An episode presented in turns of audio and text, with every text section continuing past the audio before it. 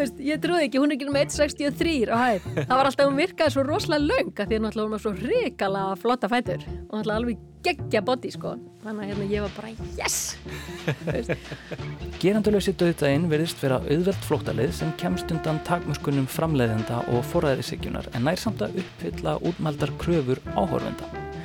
En þá vaknar spurningin, eru það kannski við, áhorfendur, sem kjósum með áhorfstölum okkar örlög illmennisins? Svo kemst ég að því sko núna í januar, árið setna, að Árni Þórunnsson, profestur Snæfellsnesi, þegar hann, sem sagt, hann misti trúna, fluttist í Reykjavíkur og þegar hann bjóð í þessu húsi þá var mér sagt að hann hafi öðrast trúna á ný. Í lestin í dag Sílóam húsið á Grundarstíg, Ílmenni og Tína Törner. Ég heiti Kristján Guðjónsson. Og ég heiti Lóa Björk Björnstóttir.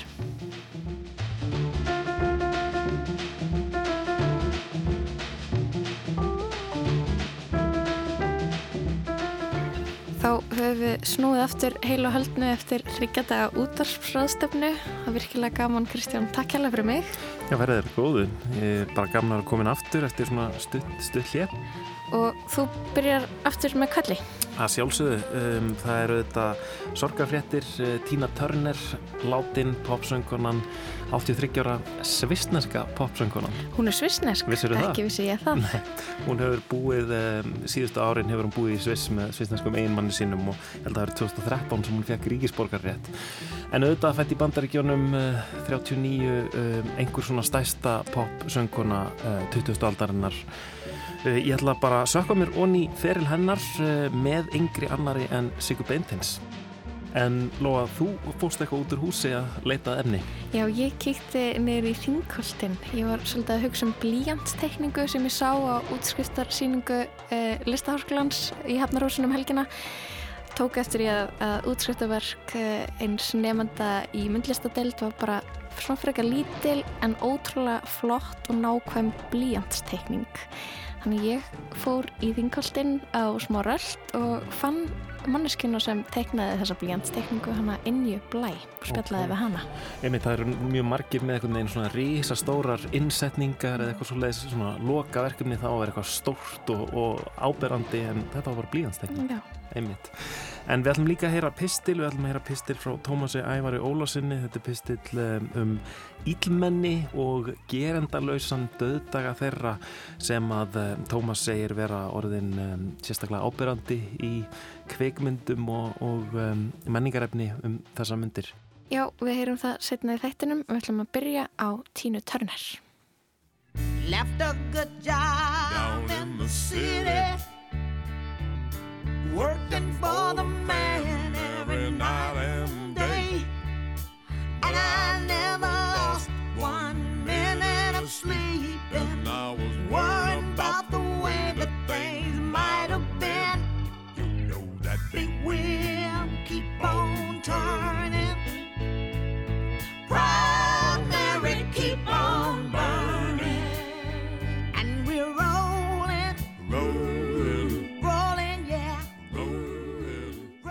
Sigga Bentins, tónlistakonna, Tínu Törner, aðdáðandi. Hvernig kynntistu tónlist Tínu? Allir byrja ekki, ég er náttúrulega alveg búin að heyra í henni alveg frá því ég krakki sko. Þegar hún er með ægt törnir og öllu því sko. En ég byrja náttúrulega svona fyrst og fremst að fylgjast með henni þegar hún kemur aftur fram á sjónasviði hérna 84. Því að hérna þá, þá svona rýs fræðinannar upp aftur Mm -hmm. eins og allir þetta. Og hérna þá byrja ég virkilega að fylgjast með henni og hérna og hérna bara hún er svona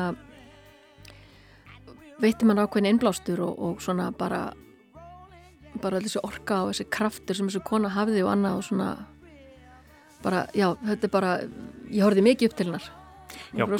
Hvað hva, hva er það við hana sem að náði svona til þín?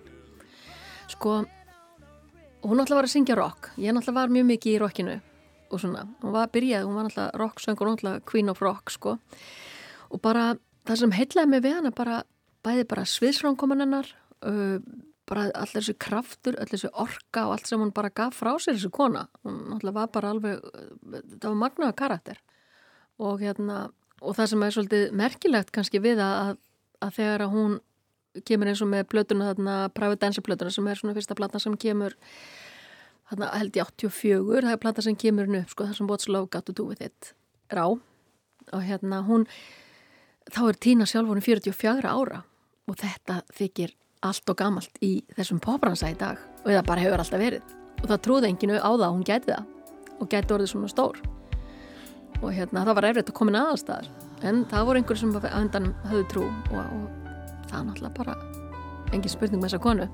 Hún bara gerði, bara heilla alla Well, the men come in these places, and the men are all the same.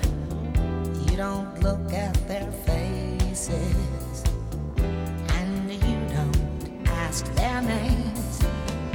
You don't think of them as Hún, human. hún verðist það að verið svona kannski eins og margir svona stórir listamenn, stórir karakterar eiginlega hafa átt svona margar æfir einhvern veginn. Hún um, er fættan árið 1939, er þá skýrið Anna May Bullock, um, bondadóttir frá Tennessee, skilnaðabarn um, og er eins og margir kannski svartir suðuríkjaman mjög tengdir við tónlist alveg frá uppafi, syngur hérna í kirkjukórnum og, og annað slíkt. Já, hún hefur greinlega verið, já, já, þetta er náttúrulega, hún fæðist með hennan hæfileika, það er náttúrulega alveg nokkuð ljóst, já, þetta, þetta kemur svo fram, snem fram, snemma fram í henni, öll þessi músik og, og hérna, já, hún er að syngja mikið mitt í þessum kirkjukormu og öllu þessu. Og síðan náttúrulega fer hún með uh, frængu sinni, að með minnir, frekar en sýstu sinni, á, á þessu klúpa þar sem að, á hana klúb þar sem Ike Turner spilar. Og hún byrjar að syngja á honum hvað kringu 17 ára, þar, inn á þessum klúb og þar kynnast þau sko og eru bara fyrst vinir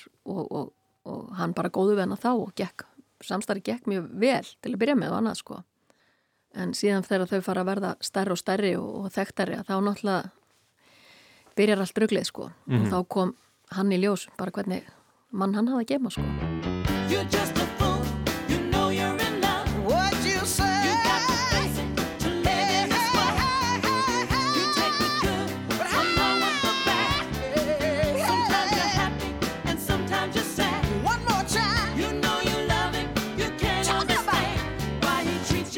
he do when he's such a good man. Now listen, he's got me smiling when I should be ashamed. Got me laughing when my heart. He just came home from the record company. He said, "Here's the record." And I said, "Who's Tina?" He said, "You're Tina." And you said your name is Tina Turner? Yeah. He says, "You're you're Tina." And I said, "Tina, Tina Turner." It was really hard to say in the beginning. That is when he took over the money, the name, the the whole control. Það var náttúrulega verið fjallað um þetta uh, síðar og hún sagt frá þessu þetta rosalega bara ofbeldissamband andlegt ofbeldi, líkamlegt Já. ofbeldi og hann, hann bara einhvern veginn algjör ein- innvaldur einhvern veginn sko. Já, ég, ég svona, ef maður lesi þetta svona rínir aðeins í þetta sko, að uh, eins og hún sagði sjálf að, að sko hann hann vildi alltaf verða rosa stjarna og stór stjarna, en málið er að hún er bara svo rosalegur karakter og, og hefur þessa sko, sko gífulegu útgeislun og þennan presens sem hún hefur eða hafði að, veist, ég held að fáir hafið þetta og ég held bara að ég, ég vildi ekki, ég mér giska á það að hann hafði bara ekki þólað það. Því hún tók allt frá honum, hún tók allt sviðsljósið af honum sko. Því að það var bara hún sem fólk sá. All þessi sviðsframkoma og bara þessi rosalega, veist, þessi ripna, flotta, háaröð sko. Ég, ég held að, að hérna, þetta hefur svona verið hún hefur svolítið stólið sinni sko af honum En þau eru þarna upprunlega uh, náttúrulega bara að spila einhvers konar svona sálar R&B hérna, Já. tónlist Já. um, eru verða vinsæl svona og ferðast um bandaríkin sko og eru þá fyrst og fremst vinsæl í samfélagi svartra en, en svo, Mm. svo náðu einhvern veginn yfir bæði til Bretlands og, og bara um allan heim um, Mhm. sem, er- sem er svo sem ekki sjálfsagt fyrir svarta listamenn á þessum tíma sko alls ekki, það er náttúrulega bara ég held ég bara það sé algjörlega hennar að megnum til. Ég vil menna það. Bara, það er bara, hún heillar því svo þessi kona sko. Og hérna en svo farða náttúrulega að fara já, þau færast líka mikið tölvert yfir í rocki eins og þau að taka Rivet í Mountain High. Það er lag sem þau semja saman. Lag sem er alveg bara eitt af mínum uppáhals alveg, alveg klikkað sko. Ég held að, og Tína uh, samt, hún samt hún held ekki mjög mikið á lögum sjálf. Ég held að hún eigi Notbus City Limit. Ég held að hún eigi það þegar hún fer að taka þessi lög svona, þá verður þetta allt svona miklu starra og meira.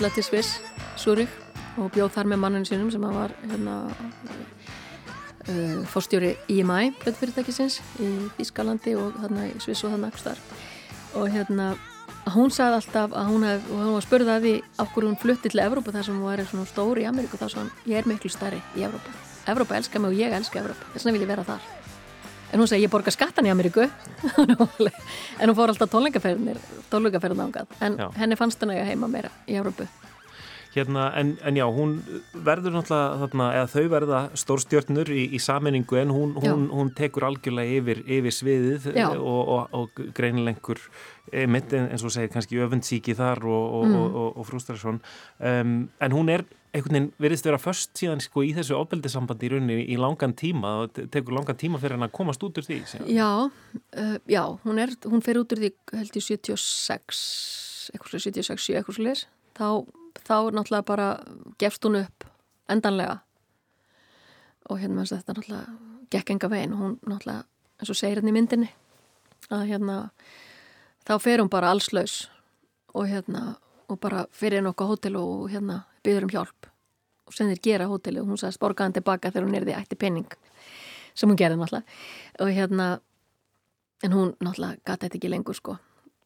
Konu greið sko, þetta er bara ríkalegt og maður veldi fyrir sér sko hvort að þetta hafi ekki líka bara einhvern veginn örgulega áhrif á, á umræðuna um heimilisofbeldi sem kannski var ekki komin á, á, á sama stað og hún er í dag á, á þessum tíma. Einhvern veginn að, að þessi þessi fræga, ríka hérna, Já. eftirsótta kona meiri sem Já. hún Já, einhvern veginn gatt verið svona, já, og ég, já, ég er alveg klára því þetta hefur opið, opnað mörg augu Mm. bara um heim allan sko fyrir einmitt heimilisopeldi og öðru og hérna þannig að hérna, ég held að það sé engin spurning sko Mm. þess að hún var mjög opin með þetta allt saman og sérstaklega setna árin sko og, og mér er að segja setna árin sko þá þóldi hún eiginlega ekki að þegar alltaf þegar hún kom í vitul þá var alltaf spurð um þetta. Og hún vildi bara, þetta hún var búin að loka svona kabla og, og þetta var búið í hennar lífið þessi kabli en hún, hún vildi samt alltaf eða þú veist, henn- hún var alltaf spurð til þetta en hvað með æg, hvernig var hérna sambandi? Og hún sagði bara oft, þú veist, bara heyrðu, ég er ekki að koma sam vital út á honum, ég er að koma út af hérna þessu plötunni eða eitthvað slíkt skilur þannig að hún var óðansvöldið, hún vildi loka þessum kabla því hún var að byrja bara á nýjum kabla einmitt En já, en, en það tekur hana samt svona svolítinn tíma einhvern veginn að, að ná fótunum, ná fótuna aftur. Já, hún og þessi tími þegar hún fer frá æg og, og þar til hún uh, kemur aftur, á toppin, þá var þetta mjög mikið henni og, og, og, og erfitt að, að ná endur saman, hún var náttúrulega með börnin og hérna, þannig að þetta var mjög mikið henni að, að, að bara halda sér uppi og, borga húsalegu og allt þetta hún var að syngja í Las Vegas og okkur um klubum og alls konar svo leið sko. En, en hún heldur alltaf áfram og síðan eru alltaf, þú veist, heldur alltaf áfram hún ætlaði sér eitthvað meira og ætlaði sér eitthvað stærra sem hún náði á endanum sem að gerist þá og, og hún náttúrulega verður náttúrulega bara risastór sko.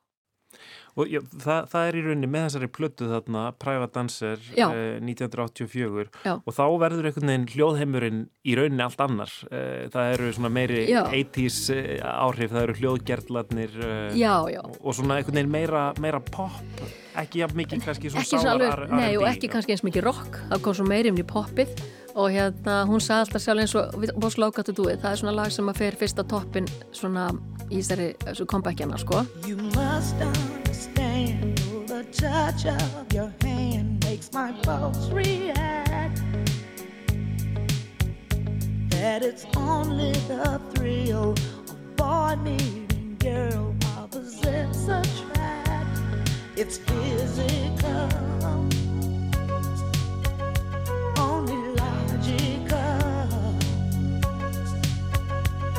must try to ignore that it means more than that.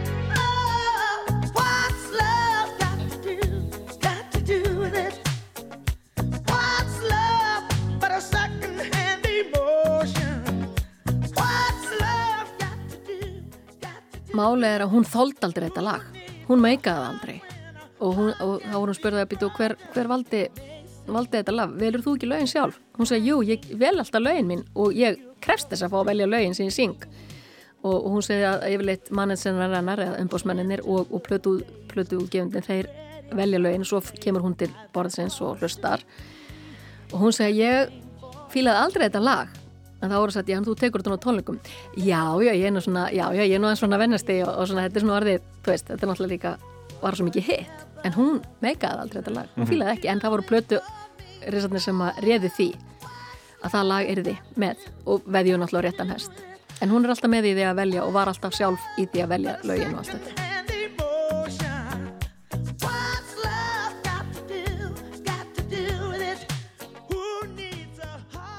Þessi áratugur er kannski svona já, hennar, hennar áratugur þar sem, að, þar sem hún einhvern veginn verður þessi rísa, rísa stjartna það eru bara slagari eftir slagara.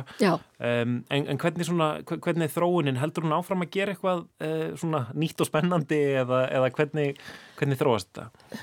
Já, já, hún, já, já, hún heldur áfram og er svona kannski komin alltaf meira inn á svo poplínu meira og, og um, hún, gef, hún gefur alveg reglulega plötur hana og ég held að með minni hvort að síðasta platan hann sé Wildest Dreams, það er svona síðasta tónleikaferðin sem hún fer í að með minnir.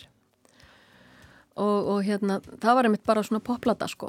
Og, og mjög flott plata sko með henni. Já, já, hún gaf út uh, alveg þó nokkuð marga plötur hérna á milli. Alveg frá því að hún, en hún hætti ég man ekki hvernig síðasta platan kemur úr hvort það er 2009 og hlis. You think I don't know the law? Wasn't it me who wrote it? And I say that this man has broken the law. Right or wrong? We had a deal. And the law says, bust a deal. And I wonder when we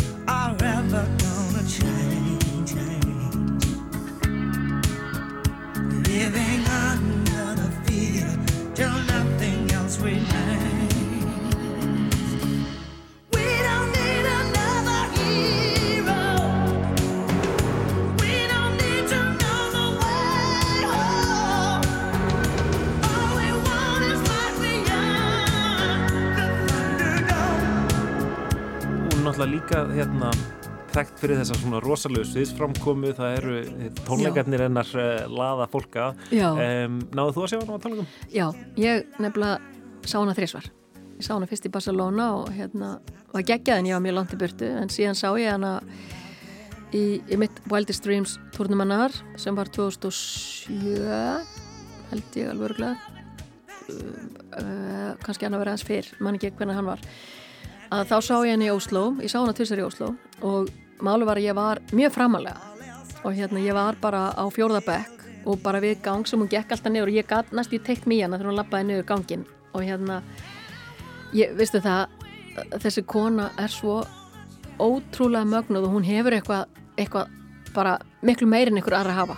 Því hún gjössanlega held tekur mann bara frá fyrsta lægi og þegar hún lappar inn það er bara eins og ykkur geistleböður hafi verið í þessari konu sko. Og hún bara lappar inn og það bara hún held tekur allt. Og hún var ekki kona sem þurfti að vera með allt í dundrandi lettskjáum og, og miklu sjói, einhverjum lósasjói, einhverjum svona, hún hafði þetta bara einn hún gati þetta bara, hún var bara nokkuð dansara flott band með sér. Það þurfti ekki meira, hún, hún, kláraði þetta allt einn gæti gert þetta allt einn og svo bara allir þessi lög og allt sem hún var að flytja og bara, þú veist, hún þessi kona og bara hvernig að, að, vera þarna og sjá hana og geta verið svona framal og ég gæti séð bara alla andlistrætti, ég gæti séð nákvæmlega hvernig hún var í framan og hvernig augum voru og allt. Ég var svo onni henni sko. Og, og hérna svo fannst mér svo alltaf lappar hún niður og ég er bara hérna svona það eru tvær manneskir og svo kemur hún. Ég gæti næst í tekið í hana sko og þá tók ég eftir því, hún er að sömu hæð og ég. Samt var hún að hælum Þannig, þú veist, ég trúði ekki, hún er ekki um 1.63 á hæð. Það var alltaf, hún virkaði svo rosalega löng að því að hún var svo hrikala flotta fætur og náttúrulega alveg geggja body, sko. Þannig að hérna, ég var bara, yes!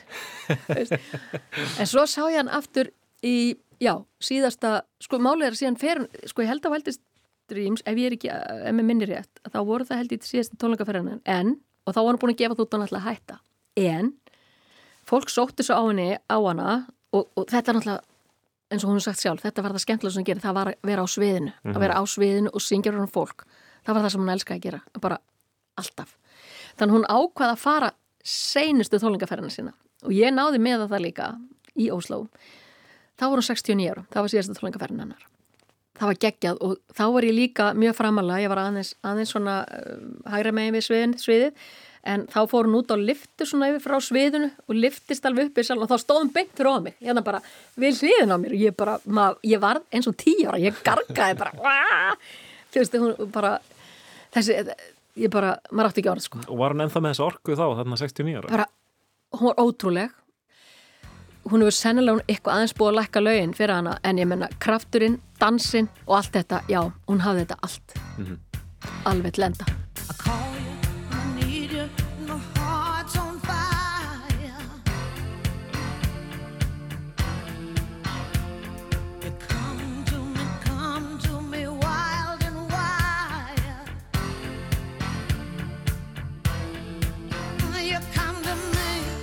En þarna, þarna hættir hún þá bara að, koma fram leggst í Helgan Stein um, Já, og þá sagði hún bara þegar hún var búið með sérsta túrin, ég held hún hafi endað þennan uh, túr í Englandi, held hún hafi gert þessi Európutúr hennar, ég held hún hafi endað í Englandi í mæ, maður minnir að ég hafi verið inn í april í Oslo og þá sagði hún bara settist hún og segði bara þetta er flott, þetta er búið, ég er búin nú er þetta komið, ég er búin að fá ná. Þetta er búið. og þá hætti hún. Og hún söng eiginlega ekkert meira eftir það. Einmitt. Bjó, bjó síðustu árin hérna í Sviss og, Já. og hafði verið að glíma við svona einhver, einhver alls konar veikindi eða ekki? Já, jú, hún var búin að vera mikið veik sko. Mhm. hún var búin að lendi að fá krabbamein hún var búin að fá strók uh, heila, eða heilablófall uh, nýrnabilun og endaði með því að hérna, hún saði við mannin sinn að hún væri tilbúin að deyja því að nýrun voru bara, hún var farin að vera í nýrnavél og öllu sko og hérna, og hann sagði bara nei og tjekka og það fittaði nýri hans, nýri hans hann gaf henni nýra sitt þannig að hún gætt fengið lengra líf og hérna, já. Þannig að hún liði, en hún, hún er búin að vera já, vera mikið veik undanfærið, skils mér eða svona því sem maður lesi fréttum. Einmitt. Og hún er sem sagt látin núna 83 ára gömul en, en tón, tónlistin, tónlistin lifir áfram og, Já, tónlistin og sagan hennar. Já. hún lifir áfram og mun lifir með ókona tíð og ég meina þessi kona er bara á samast á Elvis og, og þessar stórstjörnur Whitney og, og Freddie.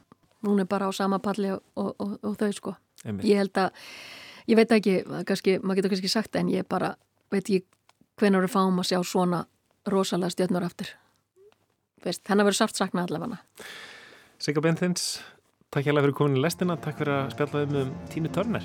Takk, takk fyrir mig, takk Úr tónlist förum við yfir í annars konar menningarefni, það er Tómas Ævar Ólafsson sem að flytur pistil.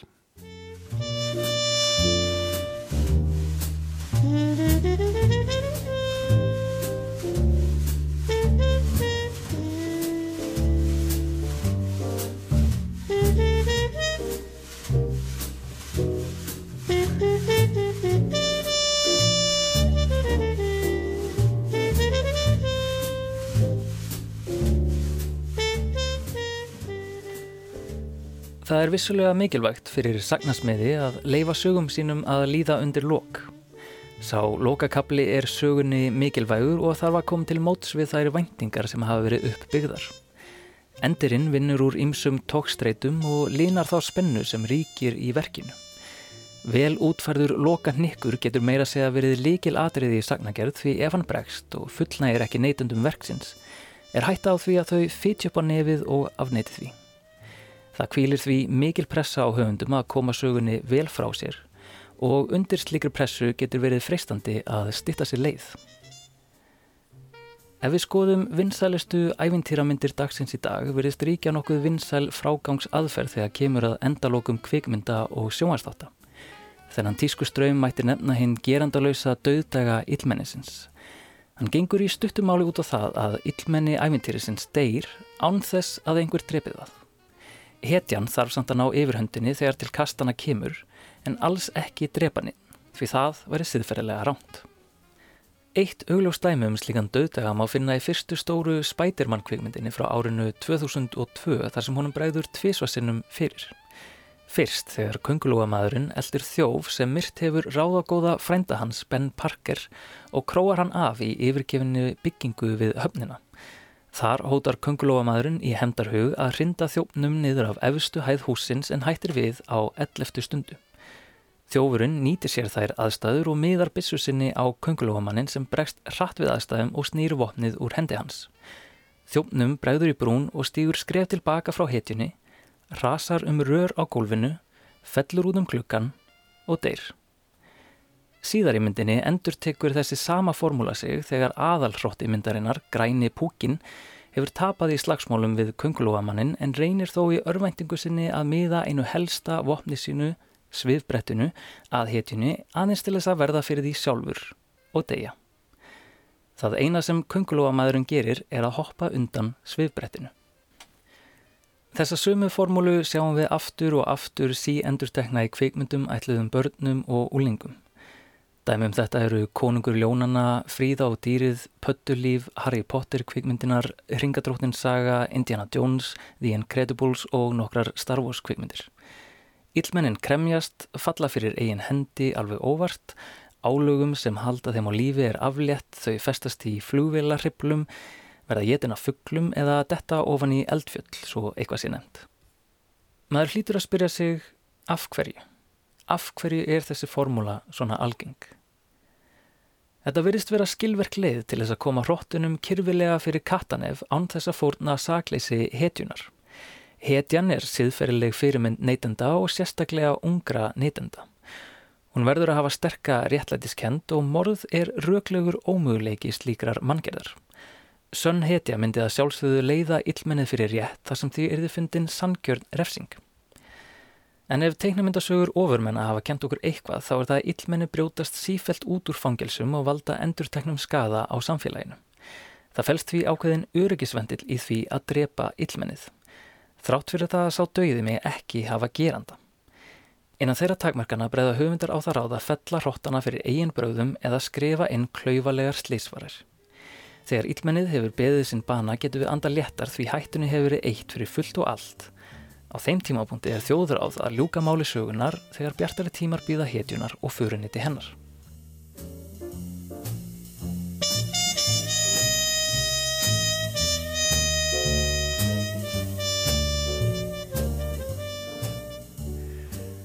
Hafa ber í huga að þær myndir sem ég hef nefnt hér sem dæmi hafa allar átt miklu fylgi að fagna í gegnum tíðina en það eru þær skrifaðar með fjölmennan neytendahóp í huga. Þær eru skrifaðar af teimi höfunda í samstarfi við leikstjóra og framleiðendur sem setja söguþræðið þeirra ákveðnar takmarkanir.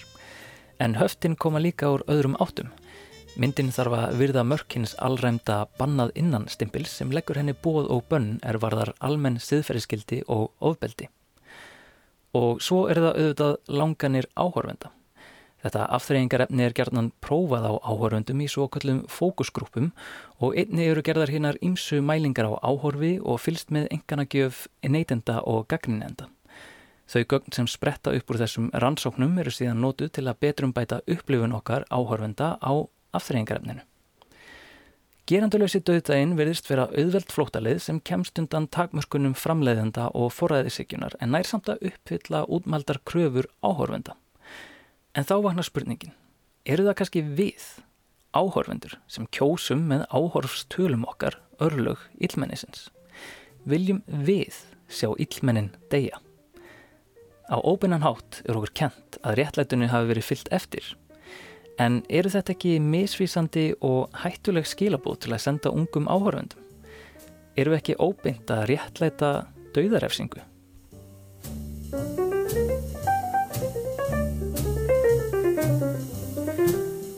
Þegar við sjáum þessi furðulegu örlög illmennana aftur og aftur hlýtur einhver óljós boðskapur að taka festu í hugsunum okkar. Við lærum í gegnum endurtekningar. Kvikmyndir og sjónvæðstæktir taka þátt í því að kenna okkur mannleg gildi er varða hugrekki, réttlæti, vináttu, samstöðu og auðumíkt. Svo eitthvað sé nú nefnd. Personunar á skjánum verða vissulega eins konar uppbyggjandi fyrirmyndir og kveikja hjá okkur samkend. Getur verið að þessi geranduleysi dauðdægi sé að kenna okkur að fagna dauða illmennisins?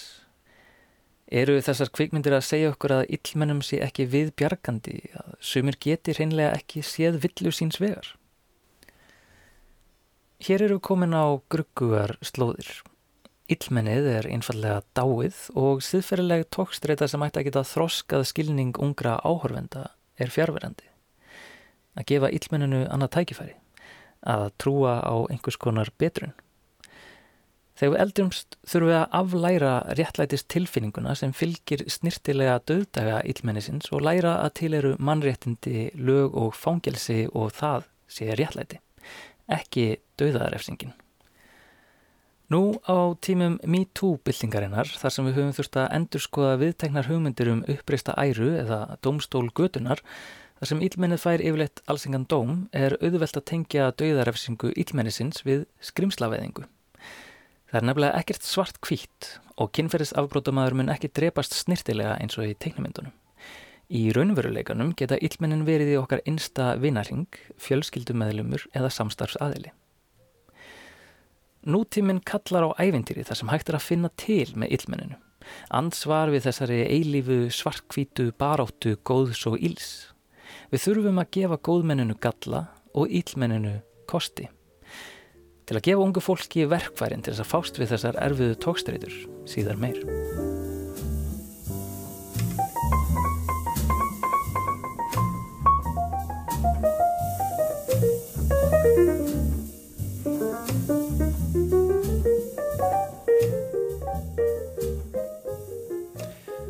Þetta var pistill frá Tómasi Ævari Ólasinni.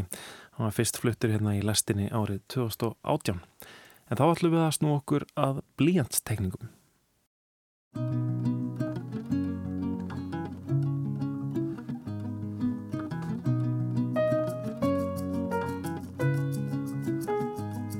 Ég er komin hingað á grundarstíg.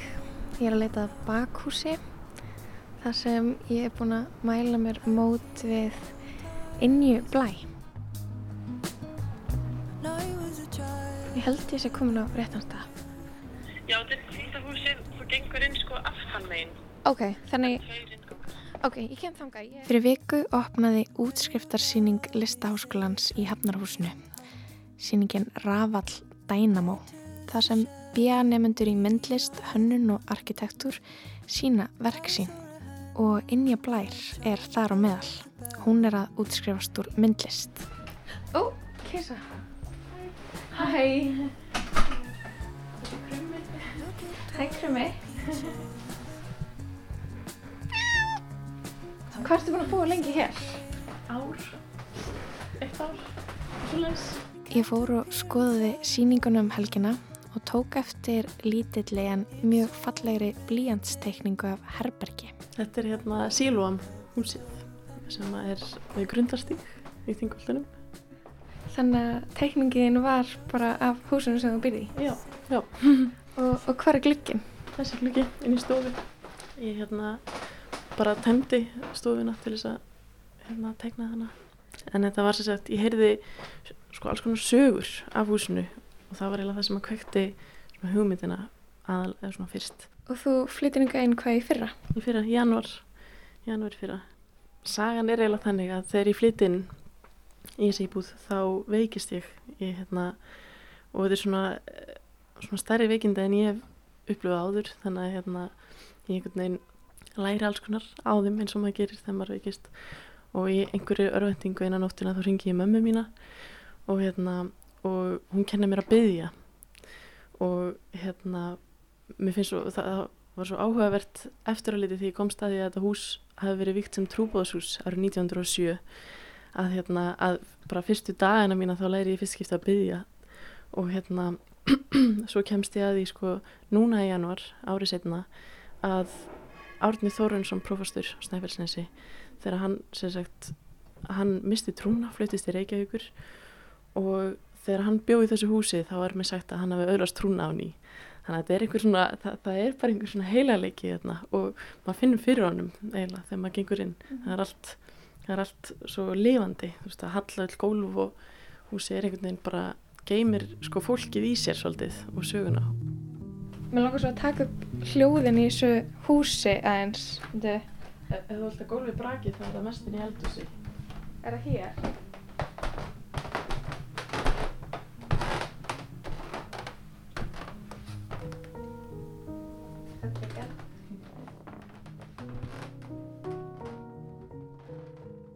Ertu búin að kynna þér sögur svo hús mikið?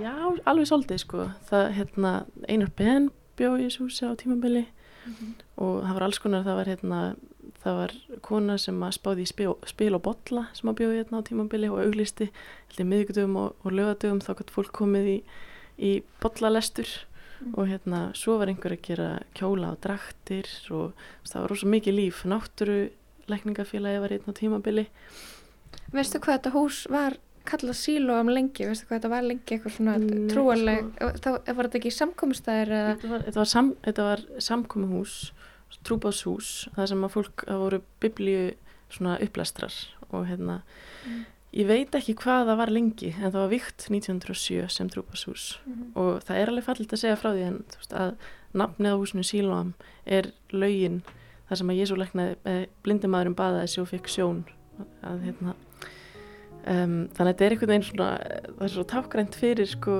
fyrir allt, alla þessa sögu sko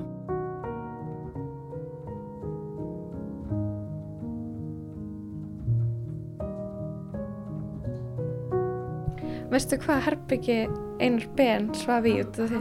hann var ekki í þessar íbúð, hann var í íbúðinni hérna niðri þannig að já, ekki undir mér heldur við hliðin á Ok, ég í skil. pínu litlu herbyggi Já, ég myndi að lasa svolítið finna lýsingu á því að, að það hafi verið, að Einar Ben hafi dvalið hérna í, pingulitlu herbyggi þar sem komst bara fyrir eitt rúm uh, sem var gilt með núðum og þar lá hann oft drukkin. já. og hann var hjá systur sinni það var íbúð systur hans. Og það, eru, það, það var einhver sem að ég heyrði einhverja sögur líka frá hérna, að hann hafi oft verið að banka upp á hjá fólkinu í húsinu við hliðina og komið í hérna, heimsóknir, var reglulegur gestur þar og þetta var svo, hérna, lítur að hafa verið mjög líflegt. Þetta er náttúrulega, þú veist, þetta er lítið hús en því var skipt upp í sko sex íbúðir. Hvað búa margir í þessu húsi núna? akkurat núna er hvort það séu það er, það er yfirleitt bara einn í hver íbúð. Um, þannig að þetta eru já, þetta eru fimm núna. Það er ein íbúð sem er ekki í notkun Sem búa Mm. hérna núna. já, og svo eru margir með hérna auka, ég með kærasta minn og kona með hliðina með kærasta sinn og þannig að þetta er hérna en það er líka, heyrist allt þannig að Þið í rauninni kannski alls saman. alls saman, við búum alls saman þetta er alveg þannig sko Hvernig er andin í sílúam núna? rosalega góður, ég elska að vera hérna ég, hérna ég, það var ein vinkona mín sem spurði að hérna um daginn hvort það væri draugagangur og sko ég er ekki nóg næm til þess að finna svoleiðis en, en hérna ef það eru draugar þá eru þeir mjög góðir það er alveg pottið þannig sko Ok, svo við förum aðeins aftur að, að útskriftaverkinu þínu. Það er blíjantstekning. Hva, hvað er hún stór? hún er hvað 32 sinum 38 cm frekar lítil Og þú sagði mér að þú hefðir tæmt allt út úr þessu herbyggi til þess að geta Já. teknað. Já, akkurat. Og ég teiknaði hana hér. Það var alveg partur af fellinu að, að teikna bara hérna heima í þessu rými.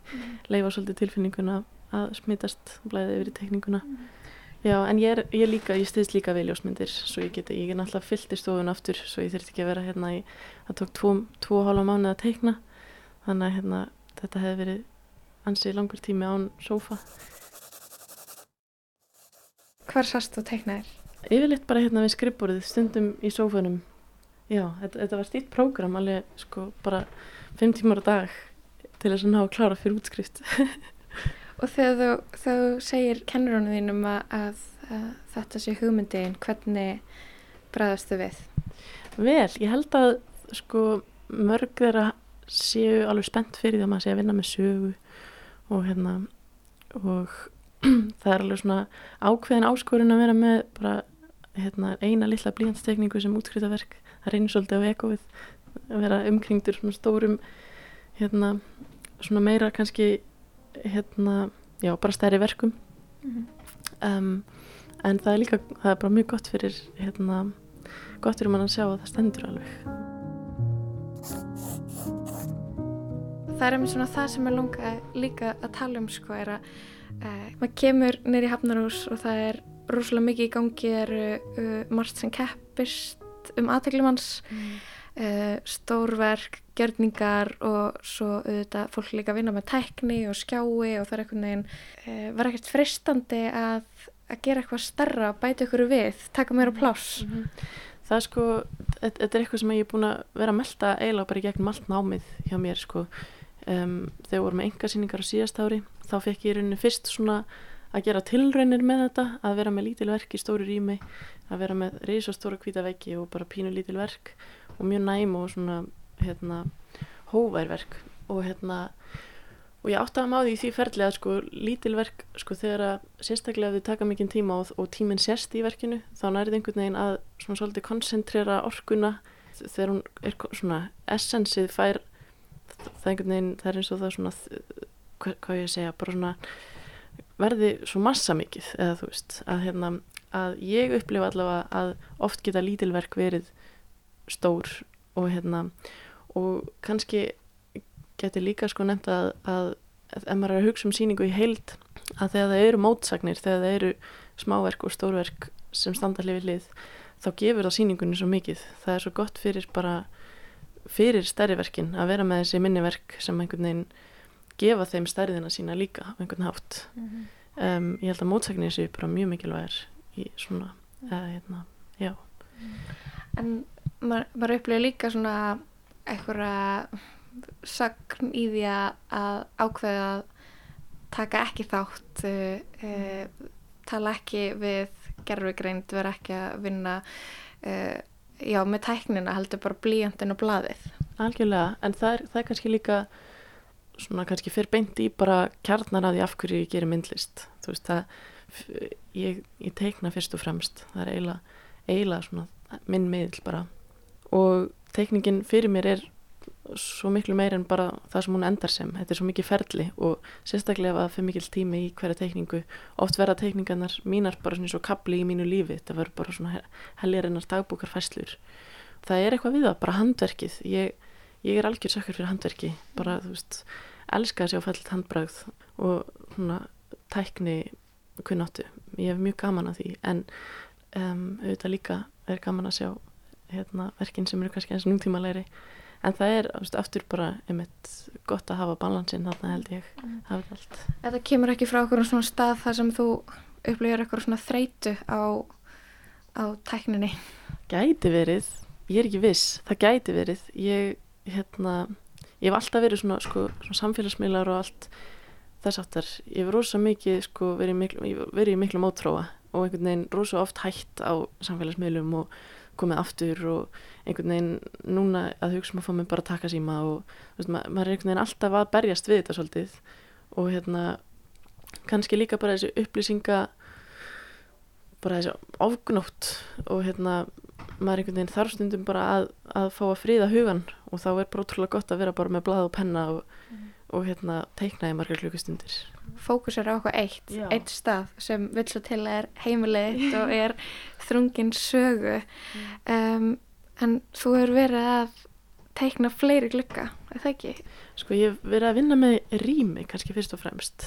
Rými, það er eitthvað við það. Þetta, þetta er fyrsta tekningin sem að sko inniheldur engin húsgögn en, en yfirleitt eru, eru svona, hvað ég segja, það er hérna um, myndmálið sem ég vel mér er kannski fyrst og fremst bara húsgögn og hvernig þau geta tjáð líf og bara að ná einhvern veginn essensinu af manneskinu án þess að vera með hana á teikningunni og hérna og að sjá hvernig sko tilfinningar bara, einhvern veginn ára og allt þess að svoleiðis getur bara blandast inn í andrumsloftið, þú veist, bara hvernig einhvern veginn tilfinningar úr fólki fá að blæða bara inn í hvernig hvernig diskurinn líkur á borðinu og oljubletturinn eftir, glas, eh, eftir skálina eða þú veist, það er einhvern veginn það eru vísbendingarnar um fólkið sem að, sem að búa til svo mikla spennu og ég elska, elska það. Og í þessari nýjastu tekningu þá, hérna útskriftaverkinu þá var það alveg smá áskorun því að þá er ég mitt ekki menn en húsgögn en það sem að kannski gefur fyrst og fremst í skinn líf er bara að gólfið er svolítið svona gengið, það er svona, svona, það eru öldur í því. Og, og það er alveg eitthvað sem ég var að leika mér með vegna þess að húsið heitir Siloam sem er laug. Og að gera gólfið svolítið eins og þessi vatn það var einhver svona það var, það var eitthvað, eitthvað svona lítið markmið að, að bara gera húsið að lauginni. En, en svo er þetta líka, maður hugsa um, um þryggja ára náma ljúka og þetta ver, það verðist einhvern veginn alltaf að koma heim og saman hann í lokin. Uh, fólki bóðið að koma og skoða einhvern veginn það sem að já, á að einhvern veginn tákna já, þetta er það sem ég er búin að vera að vinna að, eitthvað, þetta er ég sem listamæður svona næstu því einhvern veginn að debutera sem myndlistamæður. En uh, ég svona gætt ímynda mér að það geti svona spila inn í ákvörununa að bara þessi seinustu mánuðir fyrir útskrift svona þegar þetta er alltaf klárast að fá að sitja uh, með eitthvað eitt verkefni eitthvað svona sem ég get ímynda mér að maður geti auðvitað komist í eitthvað svona hugleislega ástand bara við að teikna með blíjant og blað. Var það eitthvað svona partur af þessari ákvörðun? Bara varst það eitthvað leiti líka bara að, að leita að eitthvað svona ró í, í tíma sem er svona oft bara frekar kaotískur og, og rugglingslegur í, í lífi? Já, listnema öruglega að einhverju leiti en bara almennt í lífinu þá er ég alltaf að leita ró. Mér finnst bara alltaf, það er alltaf lífið er alltaf smá yfirþyrmandi þannig að maður getur alltaf sótt í kyrðina. En, hérna, en í þessu ferli þá, þá kannski hérna, þá kannski, ég held að það verið mjög gott. Ég held að ég hefði alveg getað farið bara yfirum ef ég hefði ekki sittið heima að teikna. En það var líka sorglegt vegna þess að ég nýtti náttúrulega ekki stúdíóið og þetta er hérna síðasta önnin með öllum bekkisískjununum það, það er ótrúlega gaman að vera í stúdíónu öll að vinna saman en, en hérna, þannig er alveg svona uh, bitur sætt ef maður má segja það á íslensku. Um, að bara s- sitja heima þegar að þetta er svona síðasta tækifæri til þess að vera með öllum á þennan hátt Þannig að það- þannig að það var kannski álag. Já, kannski, kannski, má segja það. Stundum ætla maður að gera eitthvað uh, sem að gæti virst þægilegt en það verður kannski smá kvöð. Algjörlega, algjörlega. Og einangri sem svona mikið, maður fæ náttúrulega kraft frá fólki og hérna, ég held að ég sé alveg, ég, ég hlið batterín alveg því ég er- því ég er ein en, en þau virka samt ekki að maður er alltaf einn, þá bara st- stoppa þau. Mér langar að tala hans meira um blíjantsteikningar við þig. Um, þú ert í tvo mánuði uh, að klára þessa blíjantsteikningu hvernig ferli, hvað tekur svona langan tíma?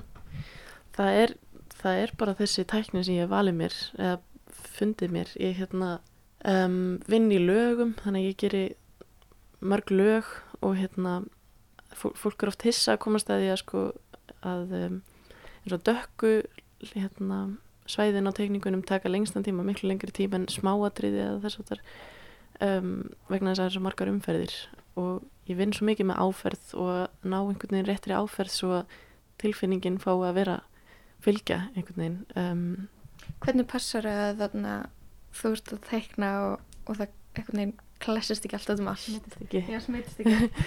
ég sko það er bara voða einfalt ég bara er alltaf með silkipapir undir hendinni og ef að hérna á svona, já, á svona hálftíma fresti á tekið stróklegur og stróka út það sem er búið að smitast á papirinn þannig að ég bara mjög, vanda mig mjög mikið við það að halda henni hreitni Erstu með ykkur blíjantsteikningar hér sem við getum skoðað? Sko, Hérna á, á skrifborðinu? í, í rauninni ekki. Ég er að bara, við erum að flytja við vorum að tæma stúdíóin í dag. Þannig ég var bara að flytja allt í geimslu eins og er.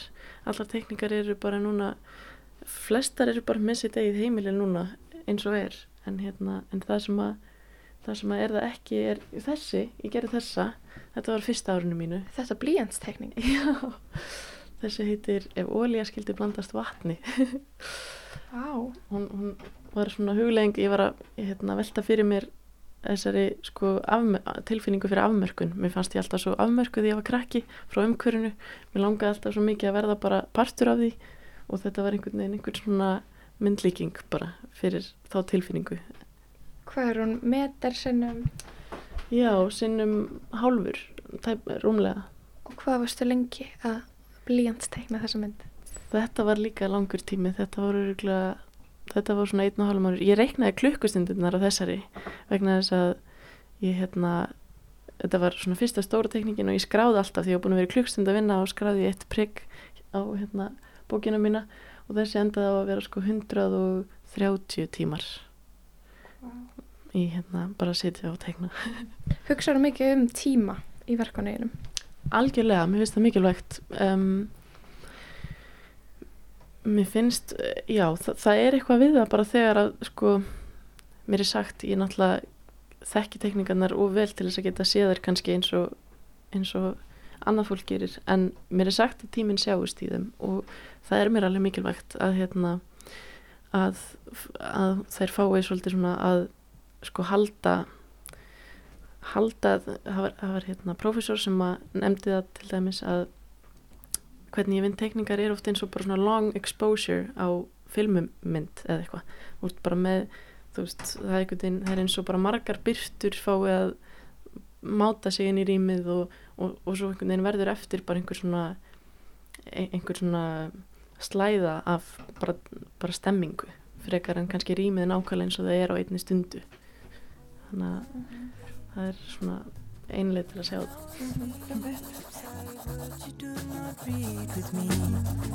I hear a song from inside the maze.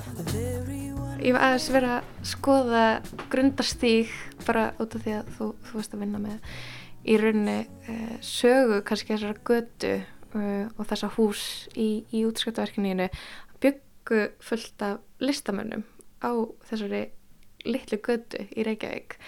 Um, fannst þér eins og þú væri líka kannski að þú sittur hérna og, og teiknar hann en glugga og þetta herbyggi líka á eitthvað vissan hátt að ykkur samskipti við kannski listasöguna?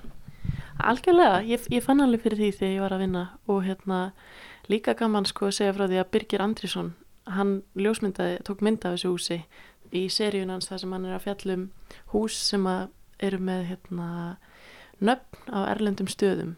Þannig að þetta var eitt af þeim húsum sem hann tók mynd af.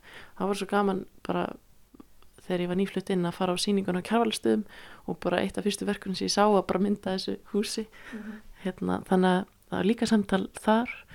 Þetta er einhvern veginn, þetta er bara það er gaman, ég hef aldrei áður unni með hérna bara, sko, eiginlega aldrei áður unni í takt, eða, í samtali við eitthvað annað, eða þú veist ég, ég hef einhvern veginn unni rosa bara svona úr sjálfur í mér og hérna svona já, þannig að þetta er, þetta er nýtt og skemmtilegt, ég mun gera meira því að reyna að vera í samtali algjörlega. Eru fleiri listamenn sem búa í síló núna fyrir utan þig? ekki svo ég viti. En list unnendur, algjörlega. Uh, takk hérlega fyrir spjalli inn í að til hamingju með útskriftina og það voru gaman að sjá hvað þú tekna næst. takk hérlega fyrir, takk fyrir mig